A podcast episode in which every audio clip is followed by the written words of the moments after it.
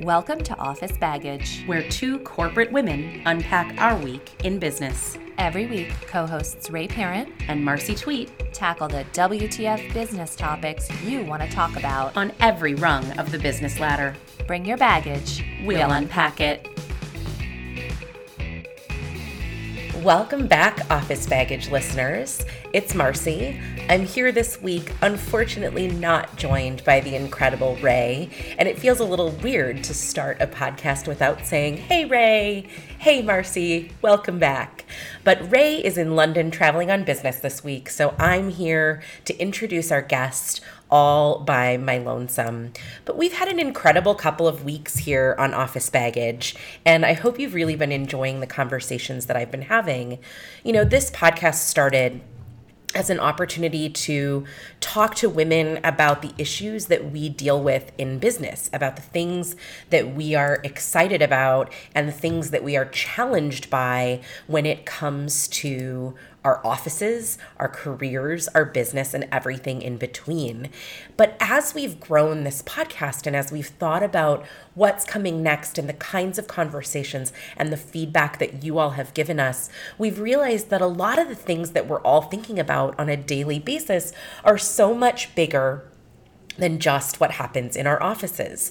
We are thinking about how we take ourselves out of our offices into our relationships with our families, with our partners, with our friends, how we're balancing work and life. So, you've seen a lot of that on this podcast over the last few weeks. Last week, we talked to the incredible Camille Virginia about her offline dating method and the ways where we can all connect to each other in a more holistic and offline way instead of being buried in our phones. This week's conversation with Leah Marshall really builds on this continued conversation about relationships and authenticity for all of us in our lives every day. You're going to love Leah. I've known her for a number of years. She's the director of influencer marketing at the Association of National Advertisers. She oversees all of their influencer marketing conferences, events, and content creation. But outside of that, she's a human dynamics junkie who authored dating and relationship content for many media outlets, including Your Tango, Man Talks, Mend, Daily Urbanista, and many more. And she's the founder and leader of the Esther Perel discussion group on Facebook. If you don't know about Esther Perel, you'll hear Leah and I talk about it during our conversation today and hear lots more about how Esther Perel's point of view on relationships, intimacy, sex, and desire really spurred Leah forward to start this community of over 7,000 people on Facebook. In addition, we're talking about her love of dance and the way she uses that to connect into her own eroticism and intimacy in her life. It's really a fantastic conversation. I know you will love her and love the conversation that we've had. Check out the show notes for more information on how you can get in touch with her and continue to follow her content online. I promise Ray will be back in a couple of weeks. Next week, you're going to hear a great podcast with me and a special guest co host. So stay tuned for that. And then Ray and I are re recording when she comes to Chicago in February. A lot more episodes going into the spring. Please give us your feedback and let us know what you're looking for from Office Baggage as we continue into season three. We're so grateful you're continuing to listen and staying with us. Up next, Leah Marshall.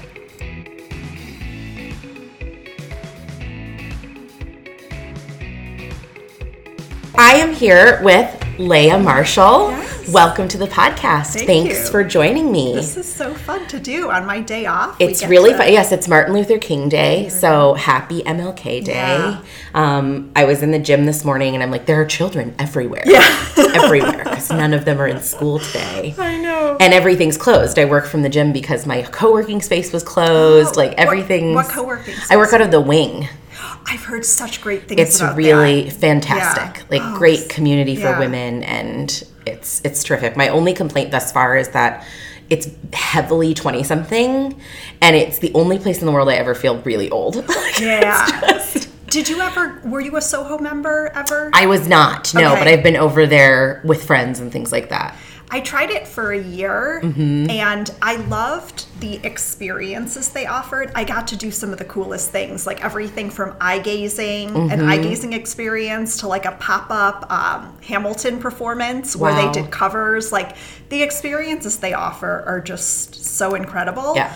Um, but I never like really felt kind of part of the community, or, or I guess maybe drawn to the community. It felt more like a space where people would kind of bring their entourage versus go there to like really make authentic Mm-hmm. new connections. Yeah, I feel like the wing does a really good job of that because I would say most of it's probably 50% entrepreneur and 50% freelancer Yeah. that are in that space and they do a lot of events and there's a lot of networking Yeah. to get to know people and then you just have to get out of your I actually I think it was last week's podcast I was talking to my friend Camille Virginia who does this thing called the offline dating method Oh. which you should know her Yeah, I would love to meet her. because you love so stuff cool. like this Yeah. but um getting out of your comfort zone and actually saying to someone like what are you working on and it's funny there was this woman i felt this is the example of how i don't do this there was this woman sitting next to me at the wing the other day and she was talking about how she was producing burlesque shows oh, and doing one at soho house oh yeah. and i should have when she got off the phone gone like Like I couldn't help it I, over I'm here. sorry, I overheard. That's really interesting. Tell me what you do. And I totally didn't. So I need to be better at it. You know what though? I feel like it's almost like a muscle, and because we don't work it nowadays, you know, it's almost like. Oh, everywhere people are just heads in their phones, and I feel like it's become a lost art to be curious about people that are not on a screen. It absolutely is. So I wouldn't beat yourself up for it, but maybe next time, like set an intention. Like the next time I overhear something, I'm gonna put myself out there. Yes, I'm going to Yeah. say something. it's weird when you overhear other people's conversations too to not feel like you're fully eavesdropping and then be like, mm-hmm. "Hi, I heard you talking about your wedding planning business or your this thing or whatever." So anyway, before we get all the way in, let's sort of jump back. I want you to introduce yourself to our listeners. They've heard your bio and a little bit about you, but give us the stuff that we might not hear in your bio. What do you think that our listeners should know about you? Who is Leah? So Leah has had a lot of different hats in her life. Um, I actually started out, I had such a clear sense of what I wanted to do my senior year, like second semester of college. Really? And I really wanted to do Teach for America. And I applied and I didn't have a plan B. I'm like, this is what I'm doing. And I didn't get in. and so I ended up um, saying, okay, well, what's the plan B? Okay, I get my- Life's little things, yeah, right? Yeah. Get my master's in education. So I did that for two years.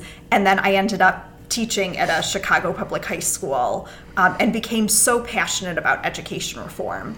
Um, and I'll, I'll share a little bit more about that in a second, but basically did the classroom and then I actually got a job working on staff at Teach for America, doing fundraising for them. Um, and then I've done, you know, corporate sponsorships and fundraising for other nonprofits here in the city. Um, and now I work for the nation's largest marketing and advertising association, handling all of their influencer marketing, programming, events, and new content creation. Um, but it's interesting that I talk about the education reform stuff because, you know, in my, I grew up in a family that, in a lot of ways, was kind of protective and a little bit conservative just when it came to dating and boys and relationships. I wasn't allowed to date until I was 16. And then by the time I was 16, I kind of felt so like out of the loop and uncomfortable that I just like avoided it. And in college, I really threw myself into my passions. And then when I got out of college, again, just I really think as like a distraction escape from the discomfort of relationships, I threw myself into my work. And it's funny because, you know, in your head, it's like, oh, education reform, such a noble cause. And I really was like genuinely so passionate about it. But I think a huge part of that, like, workaholic side of me, um, which I really don't have anymore, was about kind of escape and, and distraction. Um, so I shared a little bit about the professional side. And now I think as a result of kind of feeling so eluded by you know relationships and love and you know sexuality i've gotten incredibly into psychology and relationships and i actually run um, a pretty large uh, relationship group on facebook um, which is one of my favorite things that i do um, and then outside of that i've always just been so into like movement like movement to me is like playtime so i do everything from like boxing and spinning to weights and yoga and dance classes and tennis so So that's another um, kind of big part of my life and, and passion. You are seriously the most well rounded human that I know. So it actually makes me feel better that you went through a period of your life where you weren't this way, where it's like there's still hope. We can all get to to where you are. So I want to start by talking about the sort of relationship dynamic stuff and then we'll talk about movement and sort of how you got here as well. But this is so interesting to me. And I listened to and I will be totally honest with you, it, it's just a world that makes me really uncomfortable. Like, Mm. I don't get it. It's fascinating to me. I listen to Esther Perel and I read these articles, and I heard you on this podcast Yeah. last, I think, November or December. And I'm like, wow, I don't get it, but I'm, I'm learning. So, you call yourself a relationship dynamics junkie yeah. how how did this obsession for you about relationship dynamics begin was it before you got into the esther perel world or was she sort of what ushered you more into this interest level It was before. I had kind of a crash and burn. It wasn't even a relationship. I call it a dating experience, kind of like as a euphemism. So essentially it was it was this guy that I had met on a dating app and I didn't recognize this at the time. You know, hindsight provides so much clarity. He reminds me so much of my dad. like it's it's really funny. Not just his aesthetics, um, like same eyes, same like kind of stature, um, but just his personality, like sense of humor, like wicked smart, um, and and qualities like that. So I, I ended up connecting with this guy that um, you know just kind of fell into things really fast. Um, and didn't realize it, but about a month in, he shared he was just out of a very long term relationship. So he kind of did like the love bombing thing, where you know you're essentially showing someone that you're extremely interested and you're pursuing and you're doing all the things um, but it's usually coming from like a wounded place right? Okay. okay. So we continued to date. You know that was again like this was like less smart leah than i am now. You know now if i heard i'm just out of a two-year relationship. You know that's when it's like thanks i've really enjoyed this. Like that's not Yeah. what i'm looking for. Um, but you you know you live and you learn. So continue to date him and um, and you know things continued to go really well and then he just disappeared. He ghosted and that was probably like the biggest turning point i've had in my life where you know i felt what really felt like you know probably the, one of the deepest senses of like connection i've had with someone and they're gone. Um, and that inspired a lot of just like looking into okay what were the what were like the red flags that i missed? What were the ways in which i didn't you know stand up for myself and what i wanted and kind of elevated his needs over my own um, and so that got me into all kinds of different relationship stuff um, and you know obviously there's a whole spectrum of content out there and there's some that's like really rooted in like game playing and power dynamics and like saving The face, rules, the right? rules type stuff. And I followed a lot of that until I realized that there was just, you know, it's not really rooted in psychology. It's more about a lot of those people are, you know, they're entrepreneurs and they're trying to sell content. And so they kind of appeal to like the clickbait and like the most basic human insecurities, right? So I did, I had fun with that for a year. And then I got into the good stuff. So basically, a year after maybe it was sooner than a year. Around the time the ghosting happened, I was at this event called Summit of Greatness, which is led by Lewis Howes, who's a really no, well known podcaster, an entrepreneur, an influencer of sorts. And every year he does this event in his hometown of Ohio, um, in Columbus, Ohio, where he brings together some of his favorite guests that he's had on the show.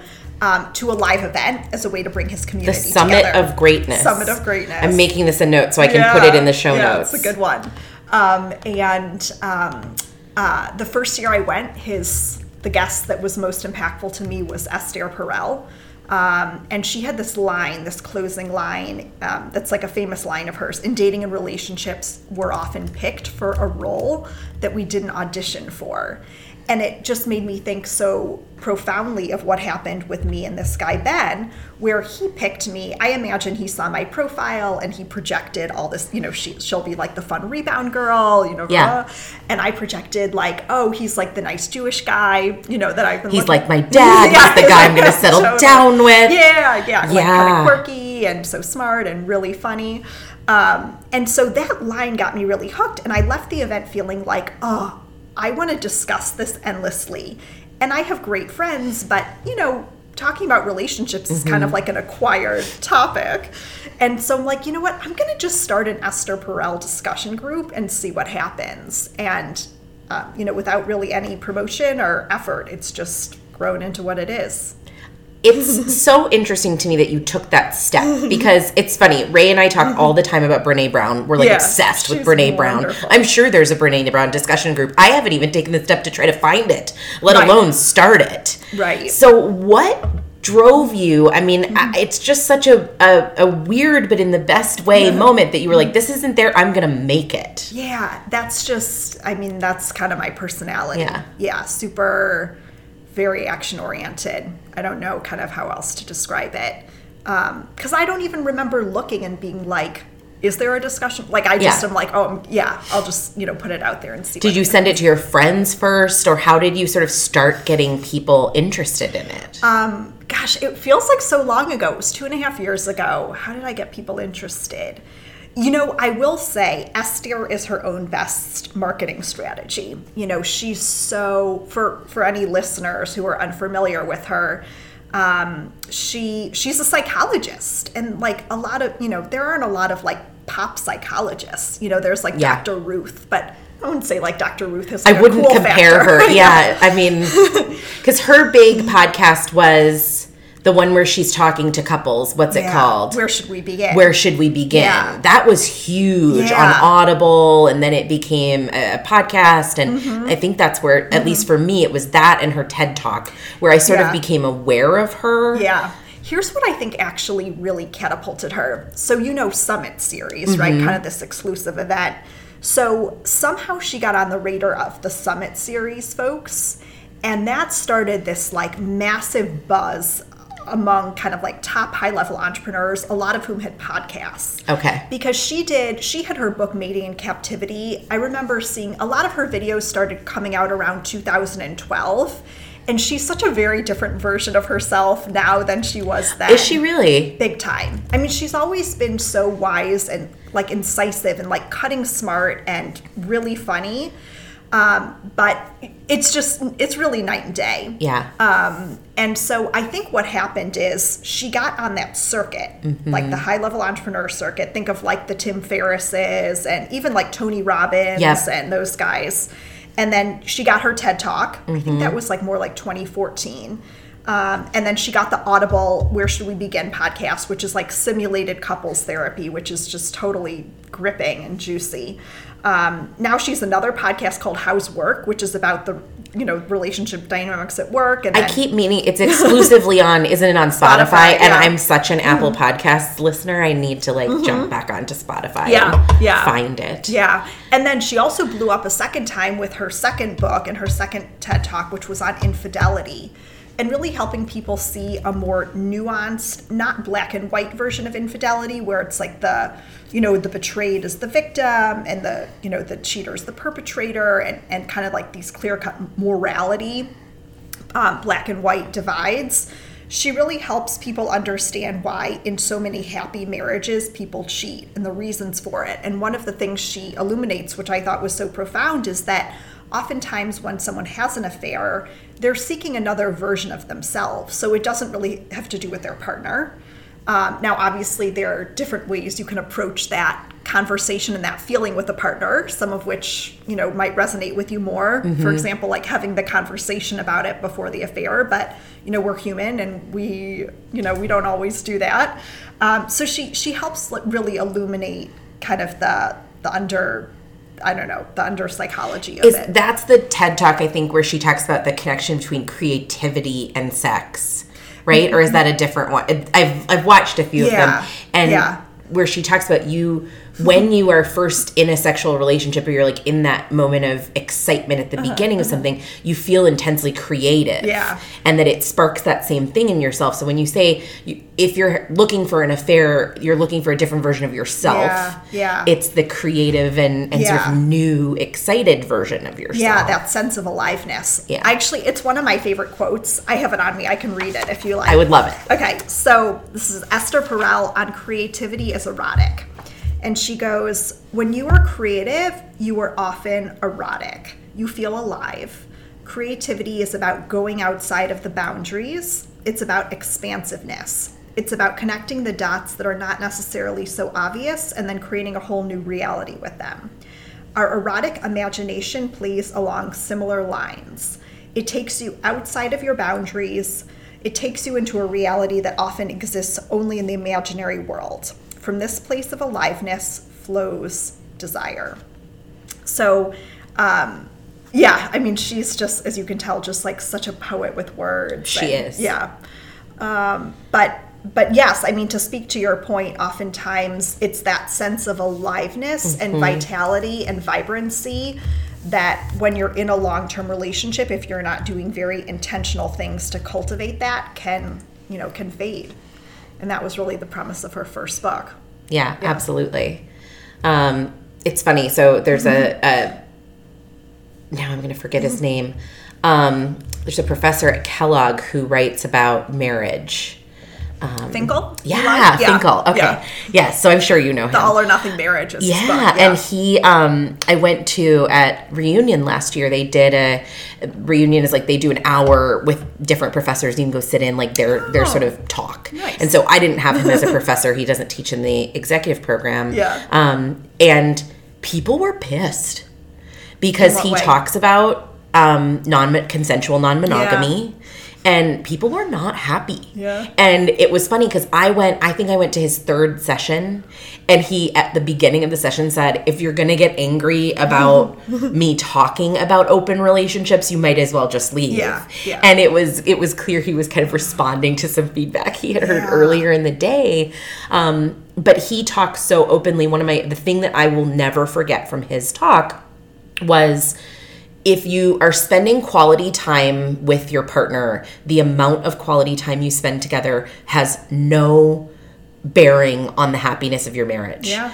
The type of quality time Yeah. you spend together. So he's like, if you sit for eight hours on the couch together and watch movies during the week, you might be happier. But if you spend two hours going to a dance lesson or mm-hmm. doing something fun together and creative and things like that, your happiness spikes. Yeah. And so he's like, it's not about the quantity of the time, it's about the eh, obviously quality of the time. But his advice was active time. Time doing something really interesting, active that like gets your juices flowing, and that makes sense. It's on Yeah. the same sort of plane. Yeah, and Esther talks about so she's surveyed, you know, probably tens of thousands of people from around the globe on the question, when are you most drawn to your partner? And universally, the responses are when there's this element of distance and like looking at your partner from, you know, maybe they're on stage playing the cello, or maybe they're um, they're a doctor and they're speaking about their work at a conference, and there's this sense of kind of being able to see them in their element. Um, and if you think about um, our day to day lives, if we're in a long term relationship, like there's not a lot of that built in. You know, it's like management Inc. around the house. Hmm. It's interesting. Charlie and I have been, we've, Ray and I talked about this on the podcast a while ago. We work from home Yeah. and from co working spaces. So we are in each other's literal business Yeah. more than ever before. Yeah. Mm. And I actually feel like it's been fantastic for our marriage because he'll get off of a phone call where he's, you know, Yeah. convincing someone Yeah. inside his organization to do something. and I'll be like, I was only listening to, you know, I'm watching Friends downstairs and I'm like, I was only listening to the third of that, but awesome job. yeah. You know, and it is kind of fun Oh, to, you so never cool. get to see your partner interact with people at work when you're in an office. And so the fact that he works from home um, for a big corporation and, and I work on my own, it's been really kind of fun. Yeah, that's Yeah. a really cool observation. Yeah. Yeah. So you've now built this Esther Perel discussion group to seven and a half thousand members in two and a half years. How is that different now managing it than it was before? I mean, you're doing, I'm a member of the group. I joined after I listened Yeah, to the yeah, podcast in yeah. November. Um, and I, I, I kind of just watch and I'm one of those people, I'm in a few Facebook groups and I don't let them show up on my feed. Sure. I, I actually actively go look at them. Yeah, Um, and there's so much Yeah, going on. I mean, so every day there's Yeah. it feels like a hundred posts there. Yeah, yeah. There's there's a lot. It's such a incredibly just like vibrant intellectual Mm-hmm. community, um, and it's different. There are there are a fair number. There are, I'm sure like tens of hundreds of thousands of relationship support communities on Facebook.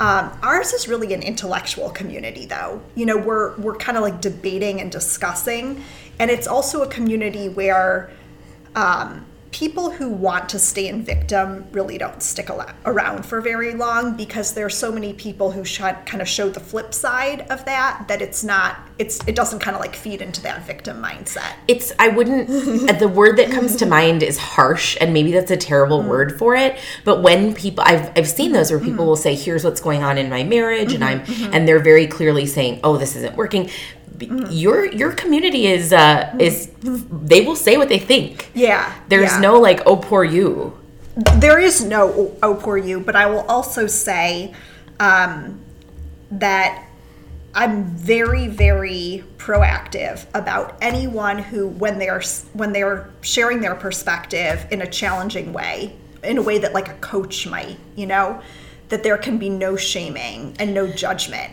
and Yeah. that you know people they'll get a warning maybe they'll get two warnings if they're like a long-standing member and then they're out because shame is it is like an infection and Mm-hmm. it spreads and um, it's just it's not okay Yeah. you know it's not okay Well, you've done a great job of policing it because it feels, from a reader's perspective, it feels um, strong but not mean. yeah yeah Which uh, I'm on. It's funny. So Charlie and I have a Peloton bike. Yeah, If you ever want to get ripped to shreds, go Oh. post something on the Peloton Facebook group. Wow. Like people are so mean to one another. They're like, I would never ask a question on that Facebook group because people Mm. Yeah. are so nasty. Yeah. Um. So that's fantastic. Yeah. So do you have you have other moderators who help you with the? Have you like enlisted other people or are you it? So I'm it for the most part. There have been a couple of circumstances.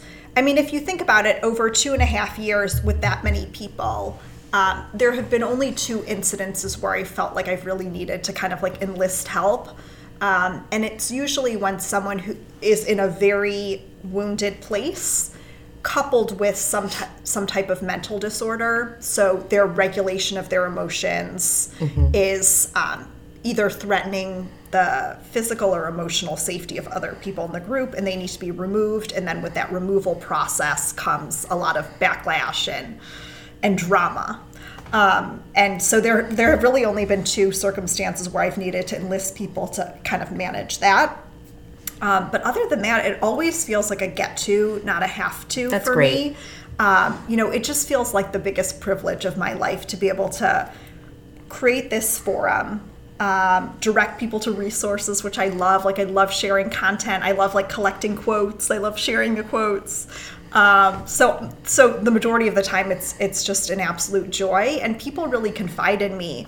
Um, just the other day, I got a note from a guy. We've had a couple like suicide um, prevention moments Okay. where there's been someone in the group and they've been in a really dark place and we've been able to you know collectively lift them out. And obviously that's like the gift of a lifetime you know? Yeah. so it's just um yeah it i i love it. And it's funny because i consider myself to be very introverted.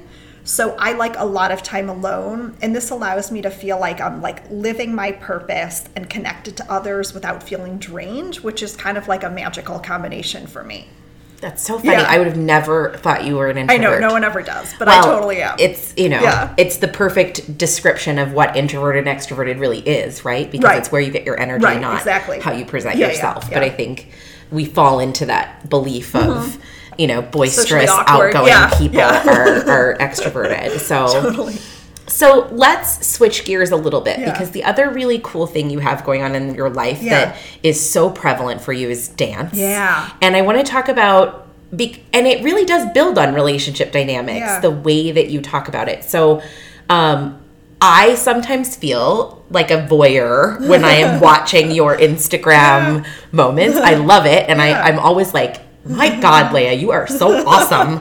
Um, and you post picture videos of yourself Yeah. in dance classes Yeah. and pole dancing Uh-huh. classes. Yeah. Where did this start? And I, I have so many questions, Yeah. but let's start with where did this start? So it again goes back to my mid 20s when I started really turning to work as a as a way to kind of distract. Um, and I think it was, you know, it was coming from a place of um, I just remember so vividly. It was my, um, I think I was about 25. I was living in Wicker Park at the time, and I was just feeling so incredibly like alone and really like hopeless when it came to like dating and relationships. I think at the time like dating apps didn't exist, but it was like match.com and it was just like experience after experience of feeling like just so disconnected, you know? Yeah. And I and I had this moment, I've never been like a big crier at all, but I had this moment of like sobbing on my sofa, you know? And I remember after that, I just really found myself turning to work, you know, and it um and that was kind of like my life for about, you know, 3 or 4 years. You know, like till 2 a.m., like working every night, just like really unhealthy. And I even ended up getting a business coach. Um, um, you know, like I, I think I had turned maybe like 28 and I wanted to like treat myself to a cool present. And of course, I get myself like a, not a career coach, but like a professional coach. Sure. And then he would, and he was like a Jack Welch type. He was really interesting. Friend recommended me to him. And so um, at the time I was in a new job and they really didn't have a lot of systems in place. And during the day I was like putting out all these fires and at night I'd work with him to like put systems in place. And so you can imagine I went from like workaholic to like burnt out workaholic. Wow. And so then I'm like, okay, I think I need to get like a personal coach now to focus on the personal piece. And it was this woman, uh, her name's Koren Motekaitis. I don't know if she still has her podcast, but it was called "Where uh, How She Really Does It." Um, with Koren Motekaitis. And um, she really helped me see all the ways in which I was like tuning out from my body, like, you know, drinking coffee so I didn't have to sleep, and like eating dinner from the vending machine so I wouldn't have to like actually take a break, you know? Um, and so she kind of, as a homework assignment, said, uh, like, when was the last time you felt in tune with your body? And I'd done a lot of partner dancing in college. That was like my thing. I'm like, I think like it was like when I was dancing, you know? And so she said, okay, your homework is to do find a dance class and do a dance class. And at the time I was an XSport member. And they had dance classes all the time. I'd just never done them. Um, and so I took this class with this woman. Her name's Melissa Metro. I think she's still in the Chicago area. And she, she bright red dyed hair. She always wore leg warmers. She was like less than five feet tall, and she was like a break dancer. And I just like fell in love with her. And I, I did her class, and then I started doing her class, you know, every single day and just got so into it and it's kind of like stuff leads to more stuff so once you once you do that type of dancing then you want to like try other types of dancing so i got i ended up getting a membership at this gym called flirty girl fitness um, just to do more more dance classes and they had a pole studio within their center um, but I was always like, oh, pole's not for me. But then I would fall in love with teachers doing the hip hop classes, and I'd want to, you know, then they'd be like following up the hip hop class with a pole class, and I'm like, ooh, I just like, I just like love learning. from Did them you? so I have to ask you because Yeah. this is, I think, my hesitance on pole. Yeah. Was it because you thought like, no, that uh, that's not? It's. It feels like Yeah. we have these conceptions about women Yeah. dancing on the pole and it's not empowering and it's disempowering Yeah. and all the things that happen Yeah. behind the scenes. Yeah. And I've had those moments too where I'm like, I don't want to. I don't want to go pole dancing. Like, Right. come on, ladies. Was that your aversion I, to it? I think that was kind of the initial. Yeah. Um, I think that was maybe the initial aversion, and it maybe it was also just because it was like new and different. Okay. Like wasn't even related to that. It was just like, oh no, I'm here to do hip hop, and so that's what I'm gonna do. So, um, so I got into that, and then um, yeah, it's been probably about like three years that I've been doing it. And um, it's funny because I mentioned like I, you know, have not had a lot of experience with relationships, even though I just like I so value I so value them and I love learning about them. But obviously, you it's not just the knowledge, like it takes like kind of the right person to have that type of relationship that I want to have with. And so there was a time, it was probably like in my early 30s where I realized I'm really tired of like putting my sexuality on hold and kind of like leaving it up to fate that the right person comes along that I can explore it with. And so it was through pole dancing that I just found like such a deep connection with that side of myself. Um, you know, Esther talks about sexuality being an act, whereas eroticism is a place we go. And so every time I do a dance class, it's like I get to take myself to whatever place, you know, I want to go that day. Wow. The music's different and that influences it a lot, you know, Yeah. whether it's like a gangster rap song or more of like a breathy pop song or whatever it might be. or your mood too. Like it might be sensual, or it might be more flirty, or it might be a little bit more kind of um, dominant, you know? So um, it's just been so instrumental. And Esther has another quote that I wanted to share. Um, okay, so it's ask any woman if she would want to make love to herself before you ask her if she's interested in making love with her partner. If she doesn't want to make love to herself, she's generally not interested. And there's this sense when I go to pole class, it's like you're really kind of making love to yourself for an hour. You know, it's Wow. like you're appreciating your body and your lines and your curves and, you know, your fluidity and all of those things. And, you know, over time, it's just, I feel just really kind of connected to that side of myself, you know, through dancing. That's incredible. Yeah. It's it's when I heard you talk about this um, on another podcast, Yeah. it was so mind blowing to me to think. I love that sexuality is a thing you do, and eroticism is a place you go. Yeah, is yeah. that the the, the distinguishment? Oh, Yeah. that's that's just incredible. Yeah. And she talks about, you know, it's a place that you can go either with yourself alone or with another. And she talks about in in the fact that you're tapping into your imagination, it's infinite. And so I think it's just such an empowering way. I, I believe that she got that from Jack Morin's book, The Erotic mm-hmm. Mind. Um, but it's just, it was so empowering when I heard that, um, you know, that I didn't need to make it dependent on another person because casual sex has never been something I've been drawn to. Or I'll probably, maybe like since my, for the past 15 years, that hasn't been something I've been drawn to. we'll qualify that. Um, but So it's yeah. another outlet for you. Yeah. Okay, so here's my stupid question, Yeah. and people won't get this unless they watch your videos. sure. sure. But you didn't have the shoes, Oh, so funny. Yeah. I and lo- now you the bought the shoes. shoes. I, so I actually I've had the shoes for Okay. forever.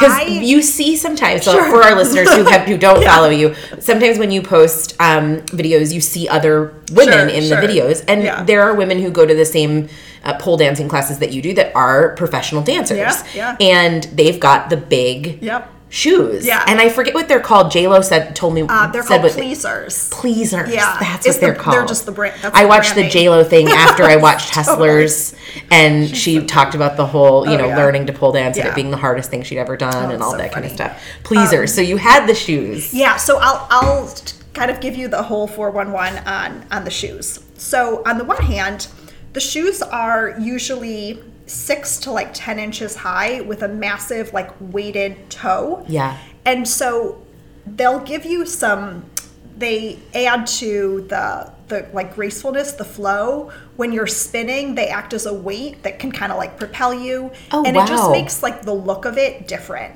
So that that's the plus of the shoes.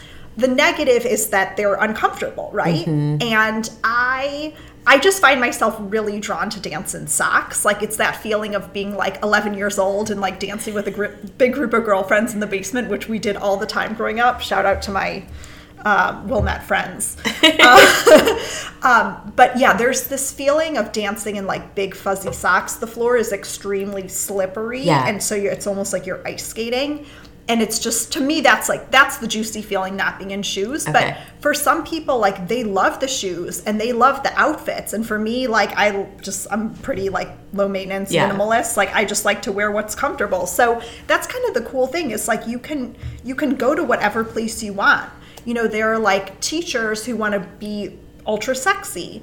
There are professional strippers who are like wearing sweats and whatever. You know, it's like it's it's what you want it to be. And so the shoes, like sometime, you know, like once or twice a year I'll wear the shoes, but like my I think I had seen them. I think it was shortly after Christmas. You had the shoes on, and, And I thought, like, oh, did Leah get the shoes Yeah. for Christmas? And then they were gone again, and I thought, oh, I don't know oh, if she liked the shoes. so yeah, I mean it's I can The do things for, we learn about each other's lives on know, Instagram know, stories, right?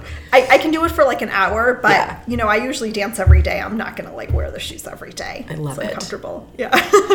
So one of the things that comes to mind is as you talk about all these things, and I said this at the beginning of the podcast, you're one of the most well-rounded people that I know. And the thing that's interesting, Ray and I have talked about this on the podcast Yeah. before, is how work is Yeah. so much a part of our identities. Yeah. And when I left my job a year and a half ago, there were classmates and people I went to Kellogg with who called me Marcy from the steel industry. Like it was, I was Yeah. so Identity. ingrained Yeah. in who I was. Sure. And very few people in my life know that worked with me or who have who I've known for years know much else about me Yeah. except that that's my job. And you do such a great job. Even I mean, you and I have known each other for a few years. Mostly online, a little bit in person. And I feel like I know a lot about you. Yeah. I feel like I know about your dance stuff. I feel Yeah. like I know about Esther Perel. You post about your parents. Yeah. How do you strike that balance of integrating all these things? It's real intersectionality, right? Of bringing your whole self into the places that you go. I think it's super intentional on my part because I think it's so easy nowadays to fall into like such a superficial um, social media personality, you know, Yeah. especially with the emergence of influencer marketing, which is ironically my work. Like that's literally what I'm, you know, what I'm doing. Right. 40 hours a week or whatever it might be. Um, but it that I'm just I've never been drawn to that. I'm really drawn to um, authenticity, to vulnerability. Speaking of Brene Brown, um, to purpose, um, to you know the human experience, and so that's how I want to show up. It was funny because I was interviewing this guy that I really respect, Mark Groves. Um, this was back in December, and he shared a quote by Ram Dass and I'm going to butcher it, but I'll send you the real one after the fact. And it's something like, I hope that the truths that live inside me are manifest in the way that I live or like in the world around me or something. And it's essentially that, um, that you're bringing that out into the world and you're not just kind of keeping it inside of yourself. And so that's very important to me. And you know, there is an element of vulnerability, but it's like the more you do it, it's like a muscle that you train, the easier it gets. And so now it was funny. So, um, so I'll share this. Um, so Esther Perel has a new project coming up, and she's going to be doing a documentary. I imagine it's like with Netflix or something. And it's about sexuality. And it's supposed to be like the sexuality conversation that you never got to have growing up because we're so, in the US, we're so kind of um, puritanistic about Sure. when it comes to sexuality. So it's going to be a documentary on sexuality and eroticism. And she announced it on Saturday. I'm like, absolutely, I'm going to apply. So I was working on the application, and the questions were so juicy. One was like, describe um, an erotic scene from a book or movie that's really stuck with you. Describe like a personal sexual experience that has stuck with you or like was particularly meaningful. Um, what else did she ask? Like what's something about your sex life that you're you would like to be different? You know questions like that. I think we're like eight questions in total.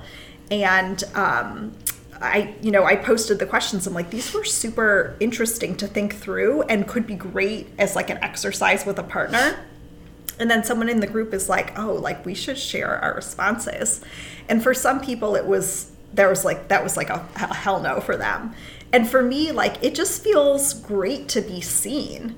And, um, and I like when my vulnerability, it's kind of like the pole dancing videos. Like, I've gotten feedback from both men and women alike. Like, when I put myself out there like that, it empowers them, whatever their thing is, you know, whether it's like poetry or whether it's like original music, it inspires them to be vulnerable, you know, with their art form or with their creative expression. So, um, um, I totally forgot what we were talking about, but No, it's it's so fascinating, and it's uh, it's funny. Esther Perel, who she reminds me of, I, I said that my like resolution for the year was to kind of channel Diane von Furstenberg. Oh, sure. And Esther and Diane von Furstenberg both have that like very sexy Mm-hmm. older woman, so comfortable in their Mm-hmm. skin, it's scary. Like they have that quality.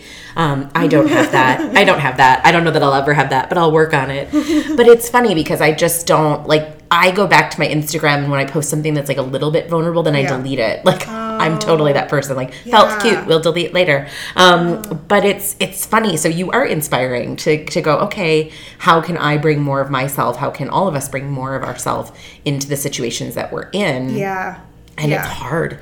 Yeah, it is hard. Um, I'm glad to hear that you're intentional about it, Super and that it doesn't just come easily for and you. I will say also, um, you know, it's like I post a picture of my family over the holidays, and you know, the chatter and the reactions and the comments and the likes. um, are like prolific, and then I post like one of the most meaningful conversations I've ever done with, um, you know, one of my heroes, this guy Mark Groves. And you know, like one person likes it, and it's like a friend from the, you know, from the group. Yeah. And it's like I'm not going to change a thing because, again, it's for me, it's about, um, it's about living with a purpose, sharing that purpose with others, having an intention behind the post. And while it's great to like post family moments that are meaningful it's like if i can inspire one person you know with um and i mean we've had people in the group who've left marriages that have really expired and kind of run their course and aren't serving the people in them. Like we've we've had so many transformation moments in the group like if i can if i can be sharing content that's inspiring that to me that's that's worth it and that's the win Yeah. Have you had any pushback in your professional life? Because you are, we live in a society that doesn't like talking about sex and mm-hmm. doesn't like mm-hmm. putting that out there. Have you ever had a boss or a, an organization that didn't like that you were putting so much of yourself forward? So I'm very, um, I would say, thoughtful about the channels I use. So obviously, my LinkedIn, as much as I would love to share this stuff, I don't. Because, you know, my organization's about just under 200 people and I'm connected with all of them. Yeah. And it just, to me, it would not be appropriate, you know, because it does make a lot of people uncomfortable and it's not really, it's outside the mainstream, Sure. right? Um, and my Instagram is private. Um, and, you know, Facebook is gated. You know, Yeah. I share this stuff with friends only. So um, I try to be very thoughtful in terms of, you know, the channels that I use. Um, and then I think you had asked me also about um, like that balance and how do you, Yeah. Um, and, and getting pushback and how do you kind of balance all of these differing interests. And I think I've, um, you know, I'm not interested in having a family. It's never been like something I dream about. And I think one of the reasons why is to like really keep my time protected so that I can do all of these things. And that's not to say that you can't do it if you have a family. You know, I'm also not in a relationship, so I'm not de- like devoting time to to the relationship and to the kids and the family. And it's almost like the you know I call the group my family. Like in Yeah. a sense, they're like a online extended family. So um, yeah, I think it's it starts from a place of like your why and knowing who you are and what's going to be meaningful and then having your time and priorities reflect that and for me like this group is really important and i devote a lot of time for it time to it because you know it's again gets back to my mm-hmm. purpose yeah That's awesome. yeah Do you feel like you wake up every morning and you go like, "Oh, this is I'm really living it," or does uh, it get lost on you? Because I can see it in Yeah. you now that Yeah. you're really excited and that you are living your purpose and having the impact that you want to have. Yes, I do. I do wake up with that feeling, and then it's also I also have kind of the feeling of, um, you know, what new element can we create or bring in, um, or like you know what's around the corner that's going to continue to to grow it and evolve it and make it that much more meaningful. So I'll give you an example. So there's a guy in the group. The guys in the group are like really special. Um, and I just like to highlight it because I do think, um, especially this time, um, around this time with the Me Too movement, Yeah. like guys really get um, a negative rap. And certainly there are elements that, you know, are very, very, very valid. The men in the group, like, they're reading all the books, they're listening to all the podcasts, they're sharing vulnerably. Like, it's really incredible. And one of the guys, um, uh, he had talked about like kind of wanting to do more and i suggested to him like why don't you start a men's group for the men in the group that want more kind of one-on-one time with each other and maybe just share things that they wouldn't feel comfortable sharing in the larger group you know with over 7000 people. And i kind of kept like nudging him to do it um, and he did it like this month.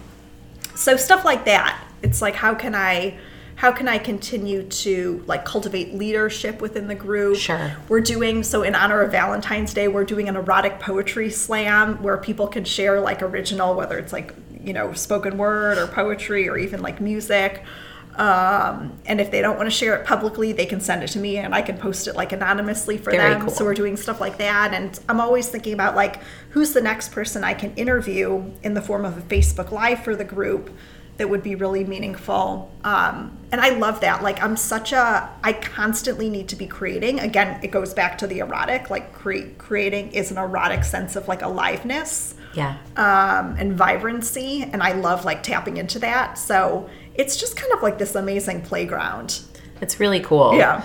When you think about the future for that piece Yeah. of your life, does it feel like a business or does it feel like it will always be a hobby? And Yeah. what's next in that sort of iteration of the Esther Perel Yeah. discussion group? You know, it feels I'm very sensitive to the fact that I'm um, kind of building off her own brand and popularity, and would never want to monetize it in a way that would at all, um, you know, be inappropriate. Um, and that said, I've had amazing opportunities as a result of it. I've gotten to have conversations with um, just like luminaries in this space, and that's just so meaningful to me. Does she is she aware of the discussion group? Have you heard from her? Yeah. So so uh, in a couple moments, she has an annual event every year in New York, and I couldn't go this year because of a wedding. But the year prior, um, we did a meetup for group members, and she popped by totally like unexpectedly, uh, made a cameo, which was amazing. And then this year we did a special awards called the Perelian Awards, and it was to honor the growth and evolution of group members and also our larger community. And um, I wrote her a letter about the awards and just kind of what we've accomplished. Um, she's also a member of the group, but obviously, you know, too busy to, Sure. to engage and wants to protect her privacy as well. And she made the most like heartfelt congratulations video um, that I got to share with the group about about it, and you know, saying she wants to do more with us. So I'm always open to kind of what's what might emerge. Um, but I don't have kind of like this culminating vision. Mm-hmm. I love letting things unfold in unexpected ways. Um, yeah, What fun. yeah. It's very cool. well, thank you for coming and sharing this with us. I hope that this is a really different topic for us on the podcast. We talk about business a lot, and so there's a little bit of in that in what we talked about today. But I just thought the things that you're talking about are so imperative, especially for women, to get our arms wrapped around. How do we bring our whole selves to our lives, and how do we think about our relationships? So I hope everybody will join the group if they're interested yeah. and read Esther Yeah. Perel and listen to her podcasts and things like that. Yeah, and I'll also put in a plug because we don't think about it, but as I've been on this journey with understanding psychology, our childhoods and our childhood experiences, mainly with our kids, are just like so freaking profound in shaping our adulthood. Yes. And we often don't think about it and we don't kind of investigate into it. And with Esther's newest podcast, How's Work, she's really looking at the ways in which those childhood dynamics play out in the workplace. And so I would say for any listeners who are kind of like curious and interested, that could be a really great Yeah. place to start. Oh, absolutely. Yeah. Great. Thank you for joining us. Marcy, yeah.